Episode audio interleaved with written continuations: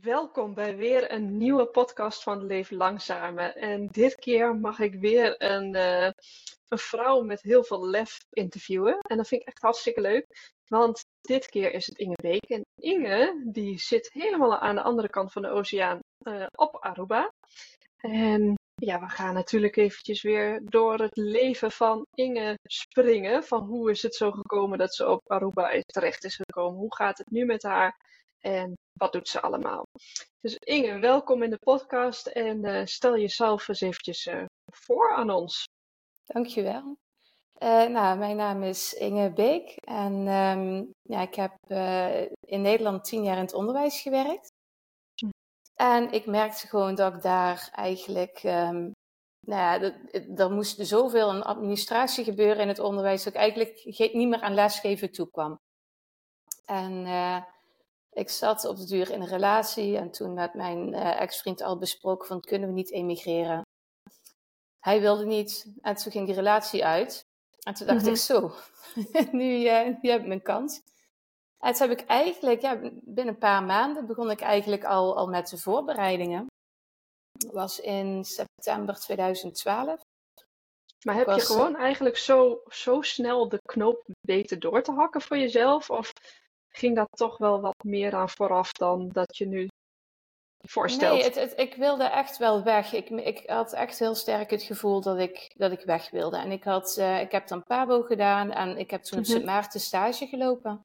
Ik ben ah. later ook met een vriendin nog op Curaçao geweest. En het voelde elke keer als ik hier op de eilanden kwam als thuiskomen. Als ik uit het vliegtuig stapte en die warme mhm. lucht, die gewoon als een warme deken over je heen valt. Ik dacht, ik ben thuis. Dus ik, ja, ik wist gewoon dat ik deze kant op wilde. En het, het, voordeel is dus dat er hier in het Nederlands les gegeven wordt. Dus ik kon eigenlijk mijn baan gewoon oppakken en ja, hier neerzetten, hier voortzetten eigenlijk. Um, dus ik had in eerste instantie ook het idee om naar Curaçao te gaan. Mm Ja, want je vroeg van hoe snel ging het? Nou, die relatie ging volgens mij in mei uit. En in augustus, september van dit jaar begon ik eigenlijk al op de school waar ik toen werkte aan te geven van hé, hey, ik, uh, ik heb interesse om, uh, om in eerste instantie voor een jaar uh, naar buitenland. Wat voor school gaf je les trouwens? basis of... Ja, ik was leerkracht basisschool. Ik heb die laatste, van de tien jaar heb ik de laatste acht jaar in groep drie les gegeven. Dat mhm. was echt ja, mijn klasje. Ik vond het heerlijk om, om die kinderen, om dat proces van kleuter naar echt basisschoolkind te, te begeleiden. En dat leren lezen, het hele proces. Ja. En, um, maar ja, ik had, je, had je een grote klas? Sorry hoor, maar ik ben, ben even geïnteresseerd nog in dit stukje basisschool. Ja, nee, ik, ik zelf had... ook nog wel in de basisschool zitten en misschien veel luisteraars ook wel. Uh, ja. Maar, nou, ik um... heb toen uh, geluk, of geluk, ik, ik had, um, ik was van school gewisseld naar mhm. aanleiding van een burn-out. En uh, wel in de, binnen dezelfde stichting, dezelfde directeur op dat moment ook. En toen ik uit die burn-out kwam, toen zou die school waar ik werkte, die zou een combinatie, ik geloof 2-3 krijgen of 3-4, ik weet het niet meer. En hij wist, nee, 2-3 was het. En ik was daar op dat moment niet zo'n heel erg voorstander van. En toen zei hij, weet je Inge, je hebt nu dat hele traject van die burn-out doorstaan. Jij bent veranderd, maar het team is niet veranderd. Dus zij denken dat de oude Inge terugkomt. Maar je bent die oude Inge niet meer. Hij zei, hmm. zou het niet een idee zijn voor jou om naar die andere school te gaan? Dat was gewoon één dorp verderop. Daar heb ik een plek in groep drie. Ik heb iemand nodig in groep drie. Nou, en dat is gewoon zo'n goede stap geweest. Dat, dat team was, heeft me ontzettend fijn opgevangen. Ik heb daar uiteindelijk eigenlijk maar twee jaar gewerkt. Ja. Dat vond ik toen heel jammer dat ik daar wegging. Maar ja, het, het, het waren kleine klassen. Daar had ik toen ook geluk mee. Ik geloof dat ik beide jaren 16 kinderen had. Dus oh. Dus dat was, ja, dat, uh, het is dus wel tien jaar geleden of nog langer. Um, dat zou nu volgens mij ook niet meer kunnen. Maar uh, op dat moment ja, daar heb ik echt heel veel geluk mee gehad. En daarmee, ik, ik ben ook ja, nog steeds van overtuigd dat als je zo'n kleine klas hebt, dan kun je die kinderen ook bieden wat ze nodig hebben. Ja. Want ja, inmiddels, komen we misschien later nog op, ben ik wel op een punt dat ik eigenlijk totaal niet meer achter de huidige vorm van het onderwijs sta. Hmm. En, uh, ja, daar ben je nu natuurlijk al wel wat verder in gegroeid. Maar waar liep je toen op dat moment tegenaan? Je zei al wel de administratieve rompslomp. Ja. Maar... ja, ik, ik zat gewoon, eh, ondanks dat ik dus zo'n kleine klas had en relatief, nou ja, weinig werk qua nakijken, uh, qua oudergesprekken. Ik, ik kan me herinneren dat ik toen gewoon, en ik, ik zat elke dag, ik was om acht uur op school en dan, ik ging als laatste weg, of één laatste mhm. weg, rond zes uur. En nog zat ik, eh, kan ik me herinneren dat ik gewoon middagen bezig was met voorbereidingen voor vergaderingen, bijvoorbeeld stukken die we moesten doornemen. En dat ik tegen de kinderen zei, weet je, ga maar even lezen. Ga maar dit doen. Dat ik de middag zo indeelde dat die kinderen grotendeels zelfstandig aan het werk konden, zodat ik mijn werk kon doen. Terwijl ik dus van acht tot zes elke dag werkte. En ik dacht, nou, dit is gewoon niet te doen. Want ik, aan, aan wat ik, waarvoor ik hier ben, het lesgeven, daar kom ik gewoon bijna niet meer aan toe. En dat is gewoon te gek voor woorden. En, echt ehm, met hen bezig zijn in plaats van met al, alle dingen eromheen. Ja, precies. Of nou, ik, ik leg het later, als ik, toen ik al hier woonde, wel eens uit van nou, als een kind dus scheet liet, dan moest ik het in zijn uh, dossier schrijven, bij wijze van ja. spreken. Mhm. Ja, het gaat gewoon veel te ver. Weet je, vertrouw gewoon op de expertise van leerkrachten. Want ja, je weet wat je, wat je voor je hebt eh, qua team als directeur zijn. En vertrouw gewoon op je leerkracht. Maar goed, directeur ja. natuurlijk ook weer verantwoording aan, aan uh, inspectie afleggen. Mm En, um, of aan ja, de stichting. ja, ook. Mm En toen merkte ik van ja, nee, ik, ik wil dit gewoon niet meer. Nee. En toen ben ik dus echt gaan kijken van ja, kan ik niet uh, naar een van de eilanden toe? Ja. Ja, want toen heb je dus in september heb je eigenlijk al medegedeeld van goh, ik wil eigenlijk verder gaan kijken dan hier in Nederland. Ja. En hoe heb je dat, ehm, hoe heb je dat toen aangepakt? Want je zei al van Curaçao en Sint Maarten was je bekend mee, maar je wist dus eigenlijk al wel gelijk van ik wil naar een van de eilanden, maar hoe is dat proces verder gegaan van die stap van Nederland daar naartoe? Uh, ik, heb, uh, ik ben toen gaan onderzoeken. In eerste instantie was Curaçao, dan had Curaçao mijn voorkeur. Mm en toen kwam ik erachter dat, en ik wilde voor één jaar gaan. Ik wilde gewoon eigenlijk een tussenjaar toen kwam ik erachter dat op Curaçao toch heel veel scholen in het papiamento les krijgen. Mm of les geven. Ik dacht, ja, dat is dan toch niet zo heel handig. En toen raakte ik, en dan is het weer mooi hoe dat dan gaat, want je komt dan toevallig weer mensen tegen. Uh, via mhm. via. Toen uh, raakte ik aan de praat. Iemand bracht me in contact met een vriendin die op Aruba les had gegeven. Ja. En op Aruba wordt dus wel op alles, tenminste dat is de bedoeling. In de praktijk ziet het er ook iets anders uit. Maar in, het is de bedoeling dat de voertaal Nederlands is op school op Aruba. Ja. En toen zei ze van, nou, ik kan je wel het e-mailadres geven van de personeelsfunctionaris van de katholieke stichting op Aruba. Dat is ook de grootste stichting, die hebben de meeste scholen. En dat was ondertussen in december. Dus ik heb mhm. haar een mail gestuurd en ik kreeg daar antwoord op. Ik weet even, het, zal vast een tijd hebben geduurd voordat ik antwoord kreeg. Want mail en Antillen, dat werkt niet zo heel erg goed samen. Um, en toen ik kreeg in elk geval een, um, een mail terug dat ik was uitgenodigd in maart voor een gesprek in Den Haag. De, dus uh, toen vlogen ze nog, uh, het personeelsfunctionaris en de algemeen directeur, die vlogen dan één keer per jaar naar Nederland, omdat er gewoon hier te weinig mensen van de PABO hier komen. Ja. Dus um, ja, gingen ze, kwamen ze mensen uit Nederland uh, halen. In elk geval mensen konden solliciteren. En toen liet ik dat weten aan die meid die, waarvan ik dat e-mailadres had gekregen van die personeelsfunctionaris. En haar mhm. reactie was, oké, gefeliciteerd, je hebt een baan op Aruba. Ik zei, wacht even, ik moet dat gesprek nog voeren. Ze zei, ja, nee, maar als je wordt uitgenodigd voor een gesprek, dan is het, is het eigenlijk gewoon al duidelijk. Dus um, toen moest ik, ik woonde toen in Remond. Ik geloof dat ik om half negen in Den Haag moest zijn of zo voor dat gesprek. Dus ik super vroeg met de trein. En nou, het gesprek heeft uh, letterlijk twee minuten geduurd. Ze zei, uh, ja, ze zei, ja, hoe lang uh, wil je, of, wil, je wil op Aruba les komen geven, waarom? Ik zei, ja, ik voel me gewoon heel erg thuis op de eiland, ben nog nooit op Aruba geweest, maar ja, wel Maarten Den Haag. Oké, okay, mhm. zei ze, hoe lang wil je komen? En ondertussen, mijn plan was dus één jaar, maar ik had ondertussen al uitgevonden dat ik in dat ene jaar mijn eigen pensioen moest doorbetalen. Dus oh het werkgevers- en het werknemersdeel. En het kwam mhm. neer op 800 euro per maand. Ja. En toen dacht ik, ja, dat is geen doen, want mijn salaris wordt heel veel minder dan wat het nu is. Dat kan ik niet betalen. Dus toen had ik dus al op school gezegd, van luister, dan wordt het gewoon drie jaar. Want ik mm kon voor een periode van drie jaar naar Aruba toe. Dus dan zou ik mijn baan opzeggen. Dan was ik eigenlijk ook in vijf minuten, toen ik daarachter kwam van, nou ja, het is niet te doen. Oké, dan ga ik voor drie jaar en zeg ik mijn baan op. Dat, Wauw, maar dat is dus eigenlijk heel rationeel. Een hele rationele ja, van de ene kant, van de andere kant denk ik ook heel erg op mijn gevoel. Want het voelde zo goed. Ik zeg nu ook van dit is gewoon de beste beslissing uit mijn leven geweest. Het, het was gewoon mhm. binnen vijf minuten. Ik dacht, oké, dit, dit voelt goed, dit moet ik doen.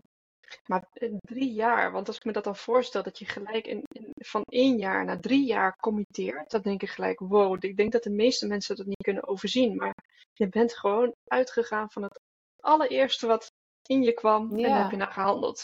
Ja, ja. Het, het enige ik kan me herinneren toen, ik, ik had toen, uh, ja, hij is nog steeds een goede vriend van me, waar ik toen echt uh, heel, we hadden geen relatie, waar het gewoon een hele hechte vriendschap was. Het. En ik kan me herinneren mhm. dat ik hem belde en zei, ja, het enige wat ik ga missen ben jij. Dat jij dan in Nederland bent en ik hier. Maar verder, hij zei dat je mee moet gaan.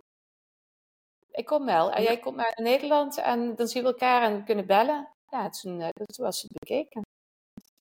En ja. Dus en toen ging het volgende schooljaar. Ik kan me voorstellen dat je na de zomervakantie gegaan bent. Ja, ja in de zomervakantie. Toen, uh, toen vroeg de directrice van Aruba dus, hoe lang wil je komen? Ik zei, één jaar, drie jaar wordt het. Ja, prima, gefeliciteerd. Dus ja, dat gesprek duurde echt serieus twee minuten. En, heb je toen in ehm, die tijd nog wel eens angsten gehad dat je dacht, jeetje, ik heb nu gewoon gezegd drie jaar. Maar wat nou als ik ga twijfelen? Of wat nou als het toch niet leuk is op Aruba? Nee, ik, nee, eigenlijk niet. En, en ach, mensen zeggen ook van, jee Inge, wat knap dat je dat hebt gedaan. En ik dacht alleen maar, ja, maar het is toch logisch? Het voelde zo goed voor mij. Er was gewoon geen mhm. andere optie meer. En ik, ik had toen, dat doen ze nu niet meer, maar ik had toen het geluk dat uh, de stichting waar ik voor ging werken, die betaalde ticket. Uh, die betaalde twee maanden onderkomen. Ik kon mijn meubels meenemen uit Nederland op hun kosten. Ik heb zelfs mijn auto meegenomen. Mm -hmm. dus zij regelen waarschijnlijk gewoon alle papieren toestanden. Ja, ja, dat werd allemaal geregeld. Want het was hier heel erg moeilijk om uh, inderdaad, als je voor het onderwijs is het goed te doen. Mm -hmm. qua zorg volgens mij wordt ook veel geregeld, maar ja, je moet gewoon werk hebben. Wil je hier ja. je papieren krijgen? En dat is gewoon heel moeilijk, want de werkgever moet dus garant staan voor jou. Klopt, ik, ik weet dat. Ik ben zelf uh, een paar keer op de Antillen geweest voor, ja, dan bezocht ik de apotheken. -hmm. En die deden precies hetzelfde proces met apothekers uit Nederland halen. En uh, ja, ja. Het ging echt precies hetzelfde. Dus, uh, ja, dus je, je moet Heel een mooi werkgever... geregeld. Ja, maar goed, er moet dus inderdaad een werkgever zijn. En dan is de regel hier Arubaan gaan voor. Dus het mhm. bedrijf moet dan kunnen aantonen dat er geen Arubaan heeft gereageerd op een bepaalde functie. En dan pas mag een bedrijf een Nederlander aannemen. Oh ja, netjes. Ja, ja. Dus ja, toen, uh, dat was maart dat ik naar Den Haag ging. En toen, uh, ja, toen begon inderdaad het grote voorbereiden. Mm En toen is er, ik denk, een week voordat ik vertrok. Ik ben toen op 2 augustus 2013 zat ik in het vliegtuig. Mhm. Een week, anderhalve week daarvoor stond de verhuiswagen voor mijn uh, appartement. Ja. En werd alles ingeladen en verscheept, of ja, naar Rotterdam gebracht en van daaruit verscheept. Dus mhm. heb ik nog uh, ja, die laatste dagen bij mijn ouders in huis gezeten. Mm. En toen, uh, ja, 2 augustus stond ik op Schiphol. En, maar ik, ik was, nee, weet je, vroeg net van heb je nooit twijfels gehad of angst? Maar toen, toen zat ik in het vliegtuig naast hem, want we hadden inmiddels een groepje wel van mensen die ook naar Aruba en ook in het onderwijs zouden gaan werken. Ja. En toen zei een meisje, die zei van ja, als het nou echt niet gaat, dan ga ik gewoon eerder terug.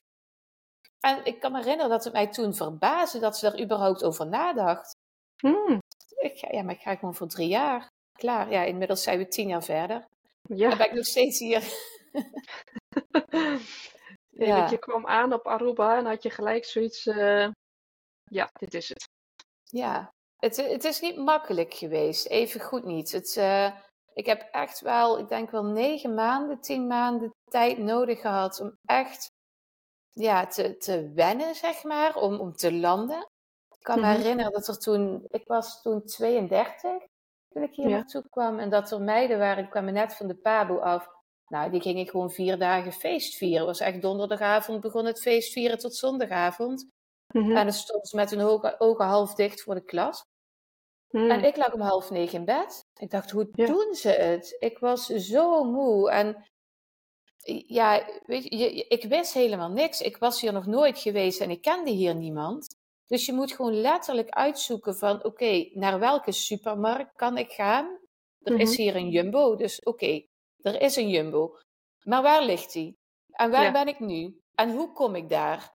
En gewoon al die kleine dingen, die kosten heel veel energie. Ja, en dan nog nieuw dus werk. En dan nog nieuw werk. En ik mhm. had toen klas 4, dus groep 6.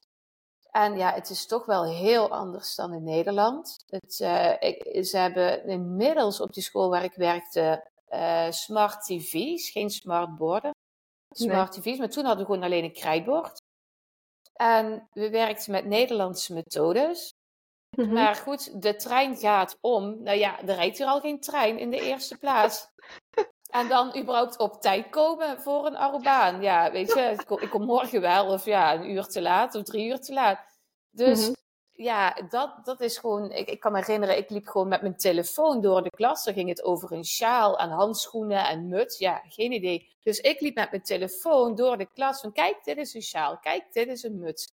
Prachtig, al die voorbeelden, geweldig. Ja, ja. dus het was echt heel erg aanpassen. Maar ik merkte wel aan de kinderen hoe dankbaar dat ze waren. Want ja, ook thuissituaties zijn best wel schrijnend soms. Ehm, en, en dat de kinderen gewoon heel dankbaar waren voor, mhm. ja, voor, voor de band die we hadden. En, en, en ja, Hoe, hoe ik voor die klas stond. Wat mooi. En was het dan ook echt anders um, ten opzichte van Nederland dat je niet al die administratieve romslomp had? Was je echt alleen aan het lesgeven? Ja, Ehm, de school begint hier om kwart voor acht, dus dat is mhm. vroeg. Maar we zijn om één uur klaar. Mhm. En er zijn gewoon heel veel collega's die ook om vijf over één met hun tas bij de deur staan en gewoon weg zijn. Oh. Ja, en dan er was op onze school één, één keer per week vergadering.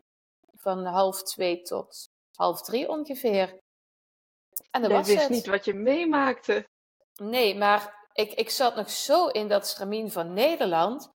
Dat ik mhm. uiteindelijk de eerste maanden, ik zat gewoon tot, tot drie uur, half vier wel op school. Want ik was nog alles aan het doen, hoe ik het in Nederland ook deed. Met mhm. als gevolg dat ik toen in november van dit jaar eigenlijk tegen mezelf aanliep en weer richting een burn-out ging. Ja. Omdat ik gewoon door alles wat nieuw was. Maar ook ja, dat perfectionistische, hoe ik het allemaal in de klas wilde doen. En toen ben ik, een, ik geloof een week of drie echt thuis geweest. En toen kreeg ik daarna van de directrice ook door van oké, eh, ik heb de arboarts gesproken. Ik moet op je letten en ik moet je om half twee, twee uur echt naar huis gaan sturen. Hmm. Dus, uh, dat, was, dat, was, wel goed voor jou dan. Ja, ja. Ja, ja toen, eh, dat was echt wel even goed een pittige tijd. En ik had toen ondertussen, kreeg ik hier ook een, een hond. Mm Want iedereen heeft hier honden. Ze zorgen er niet altijd even goed voor. Maar ik dacht, ja, ik wil een hond. Terwijl ik, zei ik in het weekend nog tegen, tegen mensen waar ik mee praten was. Ik zei, mijn ouders, mijn zus, zijn totaal geen dierenvrienden. Ik kreeg met veel pijn en moeite als kind zijnde een vis. Ja. En verder moesten, we, moesten ze bij ons thuis niks van dieren hebben. Nou, ik heb inmiddels vijf honden en er is een puppy nog uh, pas aankomen. Lukt. Dus ja. Je dus vertelde het al zo mooi. Je vertelde net al zo mooi toen we even met elkaar hier vooraf aan het praten waren. Dat je zei van nou, ik ben alleen gekomen. Uiteindelijk uh, is er een, uh, een zoontje bijgekomen, een kind bijgekomen. Vijf honden, een man en de man is weer weg. Ja, die man is weer weg. Die vijf honden had ik inderdaad. Toen kwam die man. Ja, ja toen uh, kwam ons zoontje een jaar, twee jaar later. Ja, en inmiddels mm we waren ook getrouwd die, toen ik nog zwanger was. Ja, en, die, en inmiddels is ook weer gescheiden. Ja, en, Jeetje, uh, dus er is heel veel gebeurd in tien jaar tijd. Ja, ja. ja zelfs in de laatste vijf jaar tijd. Jeetje, vijf, zes jaar. Ja. Wat is er allemaal gebeurd? Uh, ja, en ik ben dus ondertussen ook nog mijn eigen bedrijf gestart. Dus ik heb, um, zeven jaar uiteindelijk op die school gewerkt. Mm Wauw, van drie naar zeven.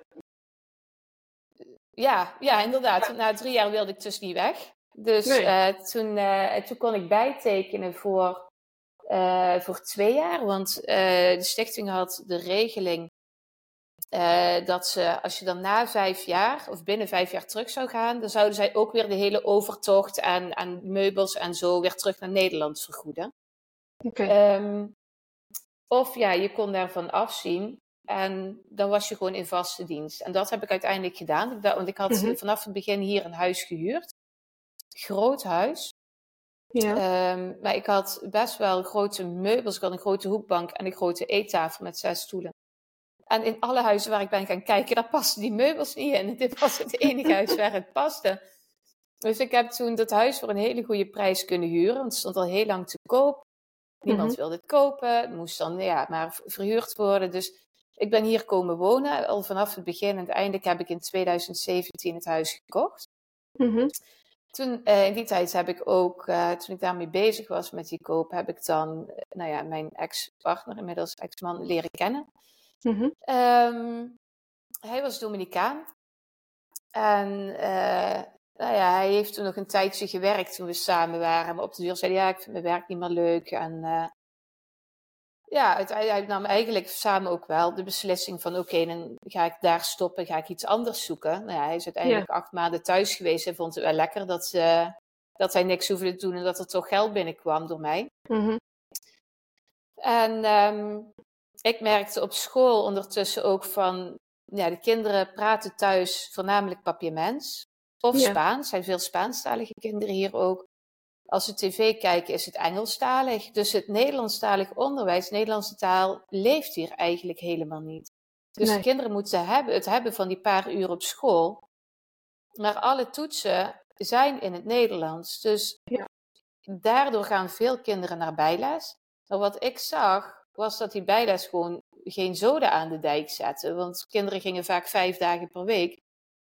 Maar huiswerk was nooit in orde nog steeds die onvoldoendes voor die toets. Dus ik zei, ja, maar wat doe je dan bij die bijles? Ja. ja, de juffrouw heeft geen tijd voor me, want er zitten nog twintig andere kinderen. Hmm. En toen dacht ik, ja, dit klopt gewoon niet. Dus toen had ik al ondertussen het idee van, ja, ik wil voor mezelf gaan beginnen. Ik wil die bijlessen gaan geven. Ik wil gewoon dat het goed is. Ja. En dat die kinderen geholpen worden. Um, nou, toen uh, ben ik ondertussen in 2019 toen, ik wilde al eerder voor mezelf beginnen, maar uh, nou ja, mijn man uh, die werkte dus niet of die had nauwelijks inkomsten. Dus ik zat hem ook te pushen, we gaan een werk zoeken, want als er inkomsten zijn, kan ik stoppen op school, kan ik met die bijlessen beginnen. Maar Precies, dan dat je weer wat meer financiële, dat je weer wat meer financiële uh, basis om dat te ja, kunnen precies, doen. Ja, precies. Maar goed, ja, hij, hij zette er eigenlijk nooit vaart achter. Dus ik heb mijn plan, ik geloof, twee jaar uitgesteld. Mhm. En toen dacht ik van, ja, weet je, ik kan hier nog de rest van mijn leven op wachten. Hij gaat het niet doen. Nee. En ondertussen was in tweede, we waren begin 2019 getrouwd, want ik was zwanger. In juni is mm ons zoontje geboren. En toen dacht ik, oké, nou, dit wordt gewoon echt mijn laatste schooljaar. Want ik wil gewoon echt nu voor mezelf gaan beginnen. Mhm. Dus ik had het op school ook al aangegeven in, denk begin 2020, van nou, ik, ik wil voor mezelf gaan beginnen. Dus dit, want we moeten dan altijd rond januari, februari, moet je aangeven welke klas dat je wil, of je op die school wil blijven. Ik mhm. ja, ik ga waarschijnlijk stoppen. Ik wil voor mezelf beginnen. En dacht je Eh, wel, want toen dacht je wel dat daar wel geld in te verdienen was, dat mensen daar wel geld aan wilden uitgeven aan bijles. Ik kan Ja, best- ik- het ik- leven is volgens mij best wel eh, zwaar op de eilanden. Tenminste, wat, wat ik heb gezien daar, dat ik dacht van ja, mensen verdienen minder. Maar ja, ik vind het best duur op het de eilanden. Ik vond het, ik vond het veel duurder dan, nou ja, veel duurder. Ik vond het, Ja, ik vond het duurder dan in Nederland. Als ik bijvoorbeeld wat tomaten wilde halen of zo. mhm, Ik ja, dacht, hoe doen ze dat dan? En dat ze dan ook nog wel in bijles willen gaan ja, eh, investeren. ja. Ja, het, het, het klopt inderdaad. De salarissen liggen enorm laag. Ik, zat, ik was afgelopen jaar in Nederland. Ik zat bij mijn ouders de zolder op te ruimen, want ze willen misschien gaan verhuizen. En ze hadden alles opgeruimd, behalve mijn Mhm. troep stond er nog. Uh, dus ik zat door mijn loonstrookjes van toen ik beginnend leerkracht was te bladeren. Dat was dus twintig jaar geleden. Ik mhm. verdiende toen, twintig jaar geleden in Nederland, net zoveel als hier in de hoogste schaal nu. Auw. Ja, dus um, ja, en, en de boodschappen inderdaad. Toen ik afgelopen jaar in Nederland was, iedereen klaagde dat het zo duur was. En ik dacht, oh wat fijn, oh wat geef ik weinig uit per week aan mhm. boodschappen. Want het is echt heel duur, ja. Het compenseert wel met andere dingen, uh, bijvoorbeeld autobelasting of wegenbelasting. Moeten wij hier één keer per jaar betalen, begin van het jaar, dus 150 euro omgerekend. Ja, en je energie, denk uh, ik, en je, je, je, je woonlasten? Um, qua, ja, we hebben dan geen verwarming, maar wel airco. ja. Ik betaal, toen ik, ik heb nu mijn, mijn bedrijf in huis. Dus mm ik heb in eh, die beide ruimtes die ik gebruik, daar staat elke middag de airco aan. Ja. En daarmee betaal ik nu 250 euro per maand. Dus aan oh de airco mijn slaapkamer staat gewoon dag en nacht aan. Mm Um, dus dat is, een, dus eigenlijk elektra, dus ook ja, koelkast. En voor de rest denk ik dat er weinig qua elektra is wat, uh, wat mhm. veel, veel verbruikt.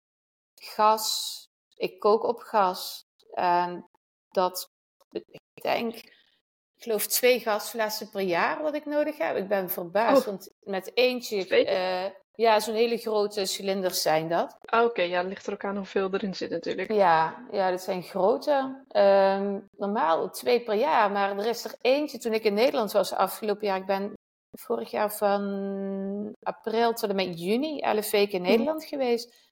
Toen had ik net nieuw maar eentje die was kapot. Dus toen degene die in mijn huis was, die heeft toen uh, ja, die andere laten aansluiten. En ik heb mhm. al een paar keer gerealiseerd, ik doe al het hele jaar met die ene fles nou ja, drie kwart jaar. Ik denk, mm, ik moet die andere wel laten maken, want dat gebeurt namelijk altijd. Dan is, die, is het gas op en dan kan ik dan heb je geen nieuwe. Nee, je hebt geen nieuwe. Nee. En daarom staat er standaard zo'n elektrisch kookplaatje hier in, uh, in de kast, dat ik dan toch wat warm kan maken. Maar dat kost, ik geloof die twee gasflessen iets van 45 euro per jaar. Oh ja. Dus dat compenseert wel weer met, met die hele dure boodschappen. Mm ja. Maar uh, ja, je vroeg van, kunnen ouders dan bijlessen betalen? Ja. Um, ik gaf toen al, toen ik dus nog op school werkte, gaf ik wel al bijlessen. Mm En toen ben ik uiteindelijk dus, uh, net voor COVID had ik uh, aangegeven, ik ga stoppen op het eind van het schooljaar. Ja, en toen kwam COVID. En van de ene kant kwam het mij heel goed uit. Want het was zo verschrikkelijk slecht geregeld. Ik heb mm in al die weken nauwelijks gewerkt. Want ja, we konden niet naar school. Maar er was eigenlijk ook niks geregeld wat de kinderen wel konden doen. Op het eind, de laatste weken, werd er toch wel vanuit school gezegd van ja, jullie moeten toch wel online iets gaan doen. Maar ik heb gewoon al die tijd eigenlijk gebruikt om aan mijn bedrijf te werken, om een bedrijf al op te gaan zetten. Ja. Maar goed, toen had ik wel aangegeven, luister, ik heb gezegd dat ik zou stoppen met werken. Maar ja, nu door COVID weet ik niet of ik genoeg werk ga krijgen. Dus ik zou heel graag als vervanger dan een paar dagen aan de slag willen. Twee, drie dagen, dat ik toch nog iets van inkomsten heb. Ja, en toen werd gezegd van ja, dat kan. We gaan voor je kijken wat we kunnen doen. Dus ik ging ervan uit dat het doorging. En op de laatste schooldag had ik afscheid van mijn school. Mhm. En toen heb ik die personeelsfunctionaris weer een mailtje gestuurd van... hé, hoe zit het? Welke school heb je voor mij? En zei, oh ja, maar jij zou toch stoppen? Oei. Ik zei, ja, maar jij zou toch kijken of je iets anders voor me had? Ja, nee, mhm. alle plekken zijn nu ingevuld, zei ze.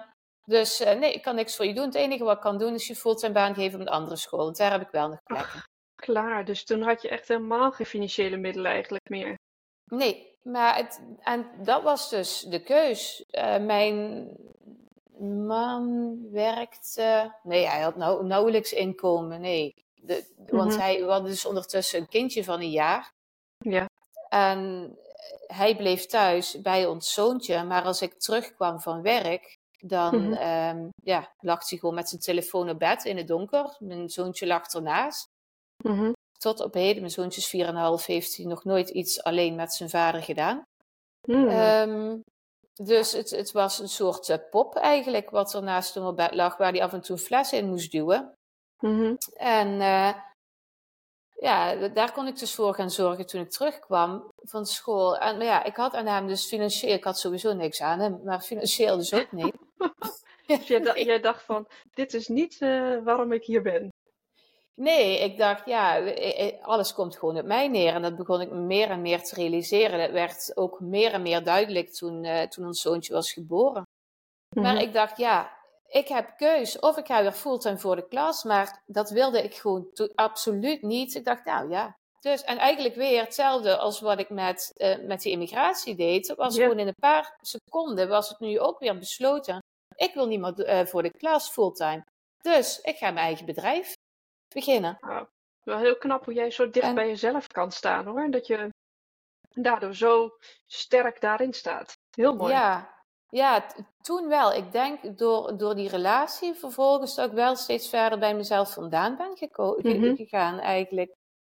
Um, ik heb het toen uiteindelijk gered doordat um, ja, Aruba leeft gewoon op toerisme. 80% van de mensen werken in toerisme. Door COVID mochten er geen toeristen meer in. Het was ja, voor de mensen niet fijn, maar ik vond het heerlijk. stranden waren mhm. gewoon leeg. Dus uh, ja, ik vond het een, een, eigenlijk een, voor mij persoonlijk een hele fijne tijd. -hmm. um, want ik kon mijn bedrijf bouwen. Uh, het hele eiland was gewoon stil. Het was rustig. En uh, toen ben ik dus daardoor kon ik met de hypotheekverstrekker regelen mhm. dat, we, dat ik de hypotheek stil kon zetten tot het einde van het jaar. Dus dat heeft me uiteindelijk wel ook erdoor gehaald. Want anders had ik het niet kunnen betalen met mijn bijlessen plus een gezin onderhouden. Mm dus ja, toen ben ik gestart. En ja, hoe heb ik het gedaan? Want ik, ik, ik ben eigenlijk nu pas na 3,5 jaar dat ik denk, oké, ik moet wel gaan adverteren nu. Maar het kwam toch via via. Ik had veel kinderen van de Nederlandse school, dus dat sprak zich rond. En dat zijn wel ouders die wel inkomsten hebben. Ja. Dus um, ik heb in het begin ook ja, eigenlijk al mijn lessen zelf gegeven. En mm -hmm. toen, ik denk vanaf 2021, dat ik wel mensen op ZZP-basis begon aan te nemen. Van, ik, ik redde het dus niet meer alleen om al die uren alleen te doen. Wauw, wat ja. knap. Ja, ja, als ik nu terug. Ik, ik, ik ik kan, dat nooit, ik kan nooit dan trots zijn op mezelf. Ik denk, ja, ik doe het gewoon, ik doe het, ik doe het. Maar als ik nu terug denk, ja, ja dat was dus eigenlijk wel heel goed. Ik, en ik, ik werkte dan, ik, ik kon alleen bijlessen geven smiddags, in de middaguren. Want s morgens zitten de kinderen op school. Dus in de ochtenduren was ik met andere dingen bezig. En, en de website maken en, en ja, dat soort dingen. En dan smiddags lesgeven. En uiteindelijk mhm. dacht ik, ja, maar het is gewoon te veel. Want er belden ouders smiddags. Maar ik zat les te geven. Maar ik wilde wel die ouders te woord staan. Want er waren weer nieuwe klanten. Mhm. Dus um, ja, toen ben ik, kijk, ik denk in, in 22, rond 21 ben ik al langzaam met mensen gaan werken. En vanaf 2022, mei volgens mij, heb ik het toen helemaal overgedragen. Toen had ik een stuk of drie mensen die mhm. op ZZP-basis voor mij lessen gaven. en, wat ehm, deed en, wat deed jij dan? Geen les meer? Nou, nee, ik, heb, ik, ik geef vanaf toen eigenlijk geen lessen meer. Mm -hmm. ondertussen was mijn relatie, even denken, dat was ook 2022. Ja, ik denk vanaf mei 2022 dat ik toen zei van ik geef geen les meer, heb ik alles overgedragen. Mm En toen ben ik in. Mijn man woonde ondertussen al niet meer bij ons. Die was het begin 2021 al weggegaan. Woonde wel om de hoek. Dat had ik toen wel voor hem geregeld. Het was toen ook wel de bedoeling dat we gingen uitzoeken van als we uit elkaar wonen, gaat het dan wel beter. Mhm. Maar mijn man, nou, ik zal het voorzichtig uitdrukken, had narcistische trekken. Mm dus er was gewoon ook geen gesprek mee te voeren, want hij draaide alles naar mij. Alles kwam op mij neer. Maar als ik daar een gesprek over aanging, zei hij: Nee, je maakt het veel te zwaar en eh, je moet er gewoon lichter naar kijken. Het is allemaal niet zo erg zoals jij het uh, voor, voorlegt. En uh, mm ik me herinneren zelfs dat ik op den duur aangaf: van luister, ik, ik, ik ga gewoon weer richting burn-out. Ik kan het niet meer. En voor Noah, voor ons zoontje zorgen. Ik ben hier alleen, ik heb mijn bedrijf. Ik red het gewoon niet meer. En hij zat veel in stress, te veel ja, ballen in de lucht houden. Ja, ja, precies. En hij zat lekker in zijn appartement. Ja, toen moest hij dus wel gaan werken. Hij, is, hij was, heeft zich toen laten omscholen personal trainer. Heeft mhm. inmiddels best wel een succesvol bedrijf. Uh, dus hij zat lekker in zijn appartement eigenlijk. En toen, ik, ik hoor hem nog zeggen, ja, maar je bent nog niet ziek. Je hebt toch geen burn-out? Op het moment dat je ziek bent, kan ik 24-7 mhm. voor Noah zorgen. Maar je bent niet ziek. Dus je moet er gewoon lichter, lichter over gaan denken. Oké. En um, ja, dus ik stond er gewoon eigenlijk op, op alle gebieden alleen voor. Financieel, maar ook de, de zorg voor mijn zoontje, mijn mhm. bedrijf. Dus ik, ik merkte ook aan mezelf dat ik gewoon bijna niet meer kon werken. En dat legde heel veel druk. Want um, ja, ik, ik, moest wel zorgen dat er inkomsten binnenkwamen. Mm en ik dat, was wel, dat is wel iets wat je heel graag deed natuurlijk. Uh, je had het helemaal zelf opgebouwd. Ja, precies. En, en teruggaan naar voor de klas. Inmiddels, doordat we ons zoontje hadden, was het gewoon financieel niet meer haalbaar, omdat die salarissen hier zo laag liggen. Mm Dus um, ja, toen heb ik eigenlijk, als ik nu terugdenk, denk van midden 2022 tot midden 23 gewoon nauwelijks kunnen werken. Hmm. En, en dat ik dus mijn team eigenlijk, die gaven de lessen. En het enige wat ik deed was telefoontjes aannemen. En mijn team was wel op de hoogte. Mm die zeiden, Inge, doe wat je moet doen.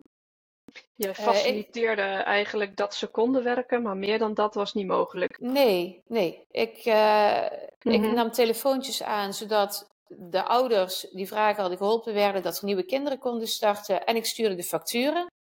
Ja.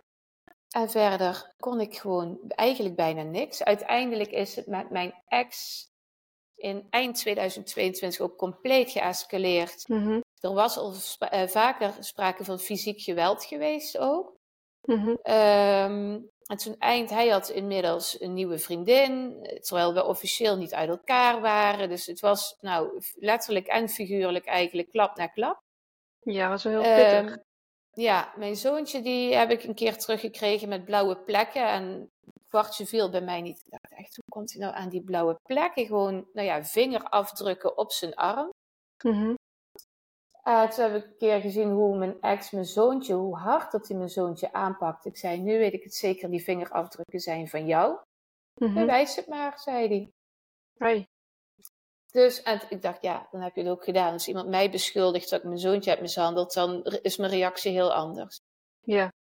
En toen heeft hij mij uh, eind, een paar dagen voor kerst, 2022, mhm. toen, uh, nou ja, ons zoontje ging dan wel een aantal uh, uren naar hem toe in de week. Maar vaak, mhm. als het hem uitkwam, begon hij expres ruzie met mij te maken. Want dan kon hij boos weglopen, bleef mijn zoontje weer bij mij achter.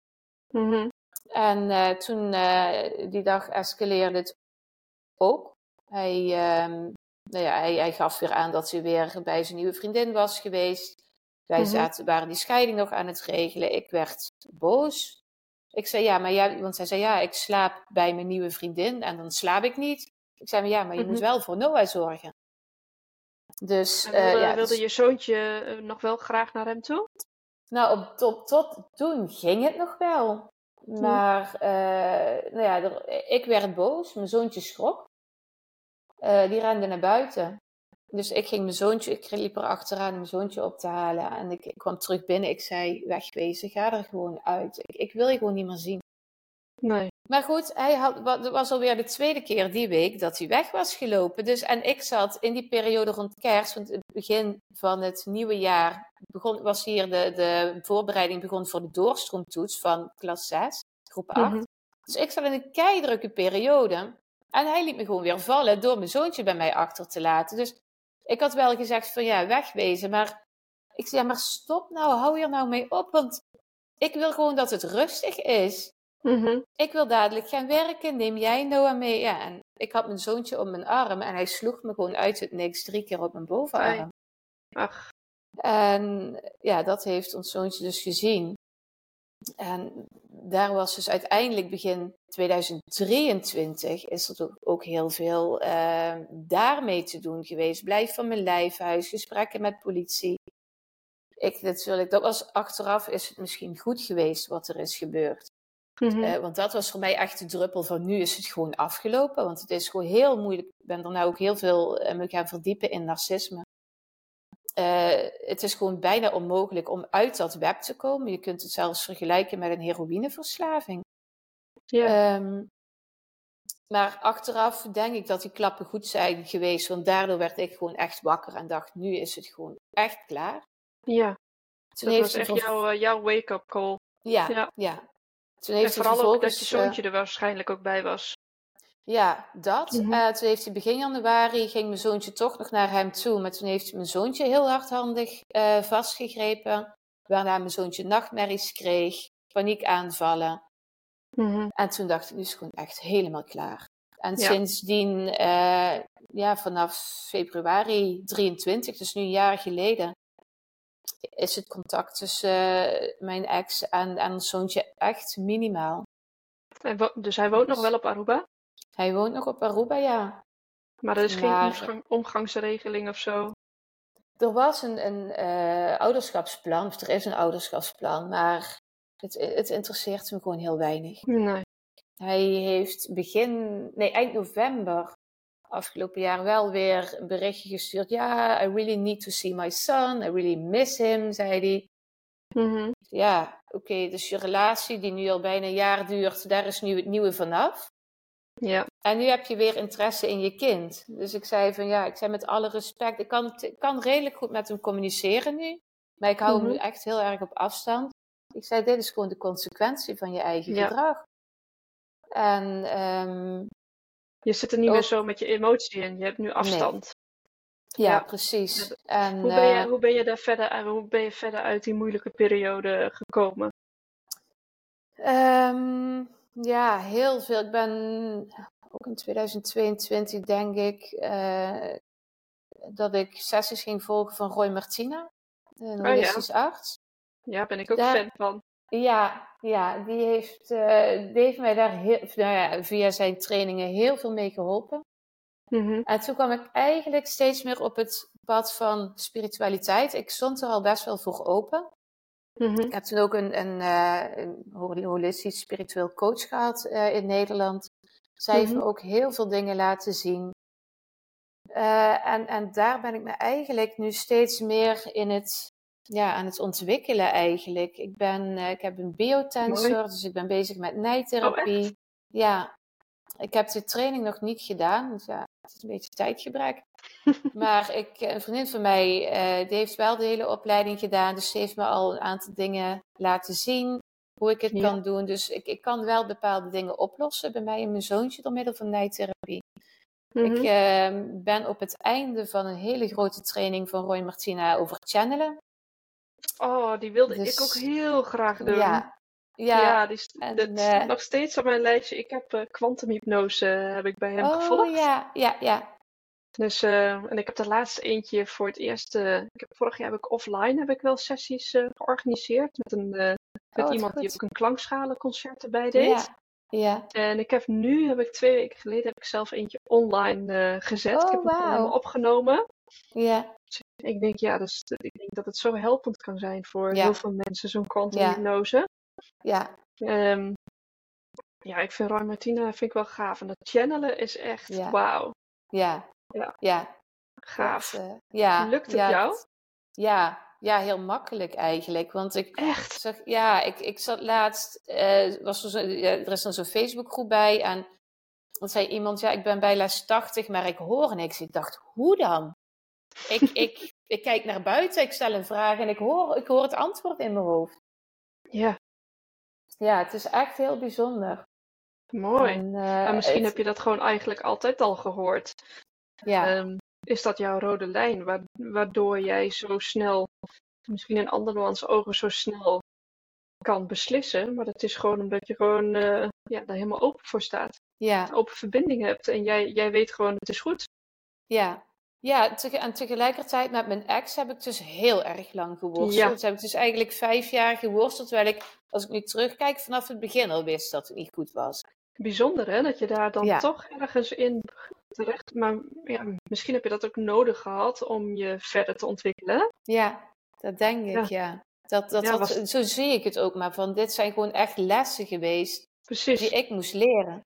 Ja, en het is nodig had om verder te komen. Ja, ja, het is een ontzettend zware tijd geweest. Mm En, um, maar ja, ik voel me eigenlijk wel steeds beter en steeds sterker. Mm Hoewel het ja, nog steeds pittig is. Ik geef mijn zoontje inmiddels ook homeschooling, want dat is ook weer iets. Ik sta dus niet meer achter het hele onderwijssysteem. Zelfs niet hoe het op Aruba is? Nee. Nee, hm. nee. Um, misschien ja, nee. In het algemeen, het, het gaat hier eigenlijk al 50 jaar terug in de tijd als je het vergelijkt met Nederland. Maar het hele systeem met kinderen die moeten werken voor een punt. Ja. Dus voor, ja, voor iemand anders eigenlijk. Terwijl het niet mhm. uit hunzelf komt. Nou, nee. nee. Het is heel veel extrinsieke motivatie wat er wordt toegepast in het schoolsysteem. Ja, ja Als je dit doet, dan krijg je dat. Ja. Hè, met de, de begint al natuurlijk in de kleuterklas met een sticker. Ja, ja precies. En iedereen wil dan die sticker. En iedereen, had dat ook al met onze dochter, dan uh, moest ze die week een bepaald taakje doen. En als ze dat taakje deden, kregen ze allemaal een zakje snoep. Oh ja. ja waar, werk je, waar werk je dan ja. voor? Ja, precies. Ja. En Zij, had, zij had zoiets, ja, ik wil dat werk eigenlijk niet doen, want ik, ik, uh, ik, ik vind dat en dat er niet leuk aan. En ze zei het niet met die woorden, meer met kinderlijke woorden, maar ze zag er het nut er niet van in, maar ze wilde wel dat zakje snoep. Ja, het was iets invullen volgens mij, iets invullen van het begin van het schooljaar over wat je dat jaar wil leren. En um, allemaal van die, van die motivatiedingen waarvan ik denk, nou, een kind in groep 3 heeft daar helemaal nog geen, geen erg in in wat hij dat jaar wil leren. Nee, nee. Die, die, en, en dan kreeg ze een zakje snoep als ze dat gedaan hadden. Oh, wauw. Ja. Nee. Nee, dit is heel bijzonder. Niet, Daar kan ik ook helemaal niet achter staan. En dan is het ook heel moeilijk als ouder om je kind daar ook nog eens een keertje in te motiveren, terwijl je er zelf ook niet achter staat. Dus dan ja, op een gegeven moment ja, groeit dat, dat systeem ook helemaal weg van jou. Groeit het uit elkaar. Dat gaat toch niet meer samen? Dat heb jij dus waarschijnlijk ook ervaren. Ja, ja absoluut. En, en hier is het gelukkig makkelijker om thuisonderwijs te geven. Hmm. dan in Nederland. Maar ik, ik had echt ook vanaf het begin, ik, ik dacht, ik zie hem gewoon niet in dat hele schoolsysteem. En um, nou, daar, ja, ik zeg, mijn ex bemoeit zich er eigenlijk niet mee. Die, uh, die laat gewoon alles bij mij, dus daar heb ik wel geluk mee. Ja. Maar het brengt me tegelijkertijd ook weer in conflict nu met mijn bedrijf. Want we geven bijlessen, zodat die ah. kinderen betere punten halen. Ja. Maar ik sta helemaal niet meer achter dat systeem om betere punten te halen. Ik ben veel meer van laat een kind inderdaad zijn intrinsieke motivatie leren. Hmm. En zelf aangeven wat hij wil leren en spring daarop in. Wat een leerschool voor jou is dit. Ja, ja, echt. Ja. Het is, uh, nou, ik, ik kan nu niet even zo de juiste woorden vinden, maar het is, het is net alsof jij helemaal een leertraject en lessen, terwijl jij degene bent die les geeft, heb jij les gekregen. Ja, dat zijn de woorden. Ja, ja, ja. Dat is wat bij mij binnenkomt. Ja, ja dat is zo. Wat gaaf. Maar ja, hoe ga je dat dan inderdaad weer toch eh, met elkaar matchen? Of niet? Of niet? Nee, daar zit ik dus inderdaad nu mee. Ik ben, ben bezig met een business coach en, en ik, ik heb haar dat ook wel voorgelegd. En zij vertaalt het van, ja maar Inge, jij kunt inspringen op punten waar scholen tekortschieten. Mm Maar toch denk ik van, ja, maar ik, ik, die kinderen moeten in dat schoolsysteem of zitten in dat schoolsysteem. En ik ben ze eigenlijk, ik help ze en wij leggen de nadruk echt op het uh, creëren van meer zelfvertrouwen. Dat kinderen zich veilig voelen, dat ze zien dat leren ook leuk kan zijn. Mm Maar het, het blijft in dat schoolsysteem. Ja. Terwijl ik eigenlijk denk van, ja, ouders, kijk veel meer naar je kind. En scholen vooral, kijk naar die kinderen, wat die kinderen nodig hebben. En mm dat is gewoon het hele systeem. En, en ja, en dat loopt hier sowieso. In Nederland eh, zijn er veel, uh, al een aantal van die B3-scholen, heet het volgens mij. ja, ja, van die democratische scholen. School. Ja, ja, briljant. Ja, precies. Die kunnen veel meer kijken naar, naar wat kinderen nodig hebben. Hier bestaat het helemaal niet. Nee, maar het is wel heel erg jammer dat dat nog heel veel geld kost. Dus dat is wel voor de happy few, om het zo maar te zeggen. Ja. Maar ik zie, zie wel soms We hebben ook nog een uh, dochter van 14 en een dochter van 16. En onze dochter van 14 zie ik wel dat haar zelfvertrouwen helemaal tot nulpunt is gedaald. Mm. En die heeft 0,0 intrinsieke motivatie meer. En nee. die is zo ja, kapot gemaakt, vind ik een heel lelijk woord om te zeggen. Maar ze is eigenlijk wel helemaal num yeah. voor dat, dat ze zelf niet weet wat haar aanknopje is. Dat ze zelf niet Ja. weet waardoor ze gemotiveerd raakt. Wat ze leuk vindt überhaupt. Dat weet ze niet meer. Dat is helemaal weg. Erg is dat. Ja, dat vind ik heel erg. Vind Heel ik heel, erg. heel, heel erg. Ja, Ehm, dus dan ga je wel kijken van oké, hoe kunnen we dat weer gaan opbouwen na Mhm. 14 jaar of na 10 Ja. jaar school eigenlijk. Precies. Maar het, eh, het heeft Ja. geen goed gedaan. Nee. Nee, Absoluut niet. dat, En eh, dan- ja, en dat ik is vind dat inderdaad... eh, Ik vind het ook, ja, misschien is daar ook wel een hele mooie, ehm, mooi iets voor jou weggelegd. Van goh, hoe zorg je er wel weer voor dat zo'n kind zichzelf weer kan vinden? ja, Of hoe zorg je ervoor dat het kind zichzelf niet kwijtraakt? ja, ja. Ja. En dan in dat schoolsysteem of liever daarbuiten. Maar dat is natuurlijk ook niet voor alle ouders. Want het, vergt heel veel van je om, om Heel de thuisonderwijs te geven. Mhm. Veel ouders voelen zich er niet capabel eh, toe. En ik ben eigenlijk, ik ben zelfs richting unschoolen. En, en dan moet ik voor ook weer een, een leerweg voor mezelf. En ik ben natuurlijk leerkracht. Dus, Mhm. en mijn zoontje is nu 4,5. En in het begin had ik echt zoiets van, oh, ik wou dat je al zes was, want dan kon ik die boekjes van groep 3 erbij gaan pakken. Terwijl Mhm. ik nu merk aan hem, hij, hij vraagt gewoon heel veel. Hij, hij blijft de hele dag door, stelt hij vragen. En ehm, dat ik gewoon veel meer inspring op wat hij vraagt. En Ja, ook wanneer hij vraagt. In, hij is morgens thuis. Ehm maar 's morgens vraagt hij helemaal niet zoveel. Hij begint te vragen op het moment dat we aan het eh, avondeten zitten. Mhm. En dan pakken we, laatst mijn moeder had haar heup gebroken. Nou, dan gaan we er een boek bij pakken over het menselijk lichaam. Waar zit die breuk? Waar de- wat is links en rechts? Hoe gaat het helen? Waar is oma nu? Oma is ook in het ziekenhuis. En dan gaan we daar gewoon over praten, plaatjes erbij. Soms een Mhm. filmpje erbij. Ja. En hij vraagt er zelf naar, mama, heb je daar, hoe zit dit dan? Hoe ontstaat regen? Eh, kan water ook omhoog stromen? Nee, Mhm. dat kan niet. Dus dan heb ik het met een vierjarige over zwaartekracht. Ja. En ja, zo sluit ik gewoon heel erg aan. Dat gaat echt En wel... op ja, school kan dat niet, want dat Nee, onderwerp zwaartekracht, dat krijg je pas in groep 7. Daar hebben we Juist. nu geen lesmethode voor. Nee, we gaan nu precies. dit doen. Of ja, je mag, eh, dat onze dochter ook een keer, die- was Sinterklaasliedjes graag eh, het hele jaar door aan het zingen, maar ja. het is nu mei, je gaat nu Ja. geen Sinterklaasliedje zingen. Mhm. Dat soort dingen. Ja, ja precies. maar En, dat ehm, inschoolen vind ik ook heel interessant. Binnenkort ga ik iemand, eh, heb ik iemand in mijn podcast, zij eh, heeft een levenzonderschool.nl opgericht. mm, En zij gaat helemaal over dat unschoolen praten, dus daar Oh, ben ik ja. ook wel heel erg benieuwd naar. ja, ja, Dus ja, eh, leuk. Ja, echt interessant. Ja, Heel interessant, ja. ja, Ja, en vooral gewoon, Ja. gewoon gaan kijken, wat is de interesse van het kind? Onze, eh, onze jongste, die, ja, die krijgt nu ook thuisonderwijs met de boekjes die we mee hebben vanuit Nederland. We hebben nu zeg maar even een half jaar dat we hier in Spanje zijn, dat we een soort van tussenhalfjaar hebben. Om Oh, te ja, kijken van hoe gaan we het dan daarna doen. ja, Ze heeft helemaal geen zin in school. Ze zegt, ik heb helemaal geen zin en helemaal niet gemotiveerd. nee, En toen zei ik eh, vorige week, zeg, nou, ga maar eens bij jezelf gewoon nadenken over waar je wel zin in hebt. Dan. Wat, Ja. wat lijkt je wel leuk? En dat vinden ze heel moeilijk om te beantwoorden. ja, Maar toen op een gegeven moment kwam ze tussendoor en ik mam, ik weet het, ik weet het, ik weet het. Ik vind ontwerpen heel leuk. oh, Ik denk, ontwerpen, je bent acht. ja, Nou, toen dacht ik, ik ga gewoon eens even proberen. Je kent misschien dat eh, Canva wel ja, op internet. ja, Dus ik heb haar eh, achter mijn Canva gezet. En ze is nu gewoon lekker aan het, eh, aan het, aan het trial and error op Canva. Ja, ja, ze acht is. Ik denk, ja, hoe leuk, gewoon ontdekken. ja, precies. Ja, precies. En dan leert ze op dit moment misschien veel meer van dan, dan wanneer jij zou Ja. verplichten achter een leesboek of een rekenboek te, te gaan zitten. Precies, precies. Ja.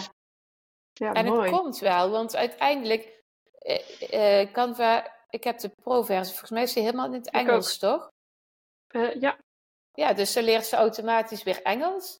klopt. En uiteindelijk, die kinderen komen er wel. Mhm. Ja, ik, ik, zag wat ze had gedaan. Ik denk, wauw. Ja. Heel knap. Ja, ja precies. Dus, dus uh, een beetje, uh, ik krijg het, krijg het idee en het vermoeden dat jouw pad wel weer ergens anders naartoe gaat leiden. De rivier die begint weer harder te stromen. Ja. Ja. En, en ik ben... En, ja, maar je hebt nog geen idee van hoe dat precies gaat. Uh, hoe ik dat vorm ga geven? Nee, nee. Ik zit heel erg van, ja, het onderwijsstuk, daar zit echt mijn expertise. Mm Maar ja, ik sta niet meer achter het onderwijs hoe het nu is. Nee. Dat spirituele, dat spreekt me ontzettend aan. En dat kinderen inderdaad bij zichzelf uh, blijven. Of uh, jonge kinderen staan nog heel erg open. Want, uh, Ik heb mijn zoontje van mij twee, dat, dat ik toen tegen hem zei: Noah, dan geef ik parkeerplaats voor de supermarkt op. Vraag maar aan Genie. Toen zei ik Genie tegen hem van Aladdin, die geest van Aladdin. Vraag maar om een parkeerplaats. Maar meer zo van: mm Weet je, je kunt alles vragen wat je wil aan het universum. Nou, echt, 9 van de 10 keer hebben we gewoon een parkeerplaats voor de deur. Hij doet het nu uit zichzelf. Dan ga je de parkeerplaats op en dan: Genie, wil je parkeerplaats voor me zoeken? En we hebben gewoon echt 9 van de 10 keer een, een parkeerplaats dicht bij de deur. En, en dat leer ik hem ook. Van, je kunt gewoon alles vragen aan het universum. En soms moet je mhm. wachten, soms komt het snel. Ja. Om, om daar gewoon voor open te, te staan, zeg maar. Ja. En nou, veel meer met zichzelf in contact te zijn. Ja, nou, je gaat er ook helemaal van sprankelen. Dus uh, denk dat daar een heel mooi pad voor jou ligt. Ja, ja ik ben dus echt aan het zoeken van hoe kan ik die dingen combineren. Mm en, uh, en, en daar voor kinderen of voor ouders en kinderen iets, iets in betekenen. Ja, ja. ja. En als je nu zo achteraf bekijkt allemaal, hè, hoe het allemaal in de afgelopen tien jaar is gegaan, uh, best wel uh, hele mooie pieken, maar ook wel wat dalen. Wat kan je, zou je anderen mee kunnen geven die ook zoiets hebben van, nou, ik zou dit heel graag willen, maar ik vind het toch nog een beetje eng? Heb je advies? Doen. Doen. ja, als je gevoel, ik denk, ja, ik zeg altijd, de grootste leermomenten liggen buiten je comfortzone. Ja. Um, ja, ik, voor mij is in elk geval de, de immigratie is gewoon de beste beslissing van mijn leven geweest. En nu ondanks alles, en het is echt de afgelopen tijd heel pittig geweest. Mhm. Ik heb geen seconde gedacht van ik wil terug naar Nederland, want daar is mijn familie. Daar heb ik mhm. meer um, uh, ja, mensen die me kunnen helpen eigenlijk. Ja. Nee, Nee, ik, ik, ik weet ook niet of ik nog tien jaar, ik ben nu tien jaar hier, of ruim tien jaar. Ik weet ook niet of ik nog eens tien jaar hier ga blijven. Ik ben ook al na het denken om misschien naar Bali te gaan. Ja, ik zit met mm. mijn vijf honden. Dus ja. Oh ja. dat, is een dingetje. Ja, dat is een ding. Maar um, nee, ja, ja, voel. Gewoon ga voelen. Ja. Wat je wil. Voelen. En ik, uh, um, ook luisteren naar je eerste ingeving. Ja. Toch? Ja, en niet naar al die stemmetjes in je hoofd. Want er zijn honderd stemmetjes die zeggen: nee, maar dit en dit is een probleem en dit kan niet en wat als dit. Dan kom je nooit ergens. Het. Nee, dan kom je nooit ergens. Nee, dan gebeurt er echt helemaal niks als je daarna gaat luisteren. Nee, nee, precies. En dan blijf je toch dat gevoel houden van, maar wat als? Ja, ja of dus later had ik maar. Ja, dan nog erger. Ja, ja, precies. En dan dus denk jij, dan kun je beter proberen. En wat uh, die vriendin van mij toen in het vliegtuig zei, ja, als het echt uh, niks is, dan ga ik gewoon terug. Ja. ja. Weet je, je, dan, dan creëer die situatie zo dat je terug kunt. Of soms is het misschien ook wel goed om een situatie te creëren dat je geen backup hebt, dat je gewoon moet. Mm Ja, en wij zeggen eh, dan, we gaan niet terug, maar we gaan verder. Ja, ja.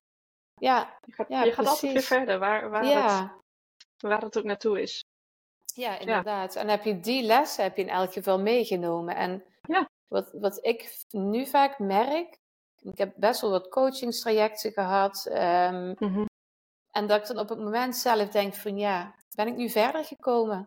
Maar pas later zie je dat er op dat moment heel veel puzzelstukjes op hun plek zijn gevallen. En dat je toen les hebt geleerd waar je nu, nu iets mee kunt.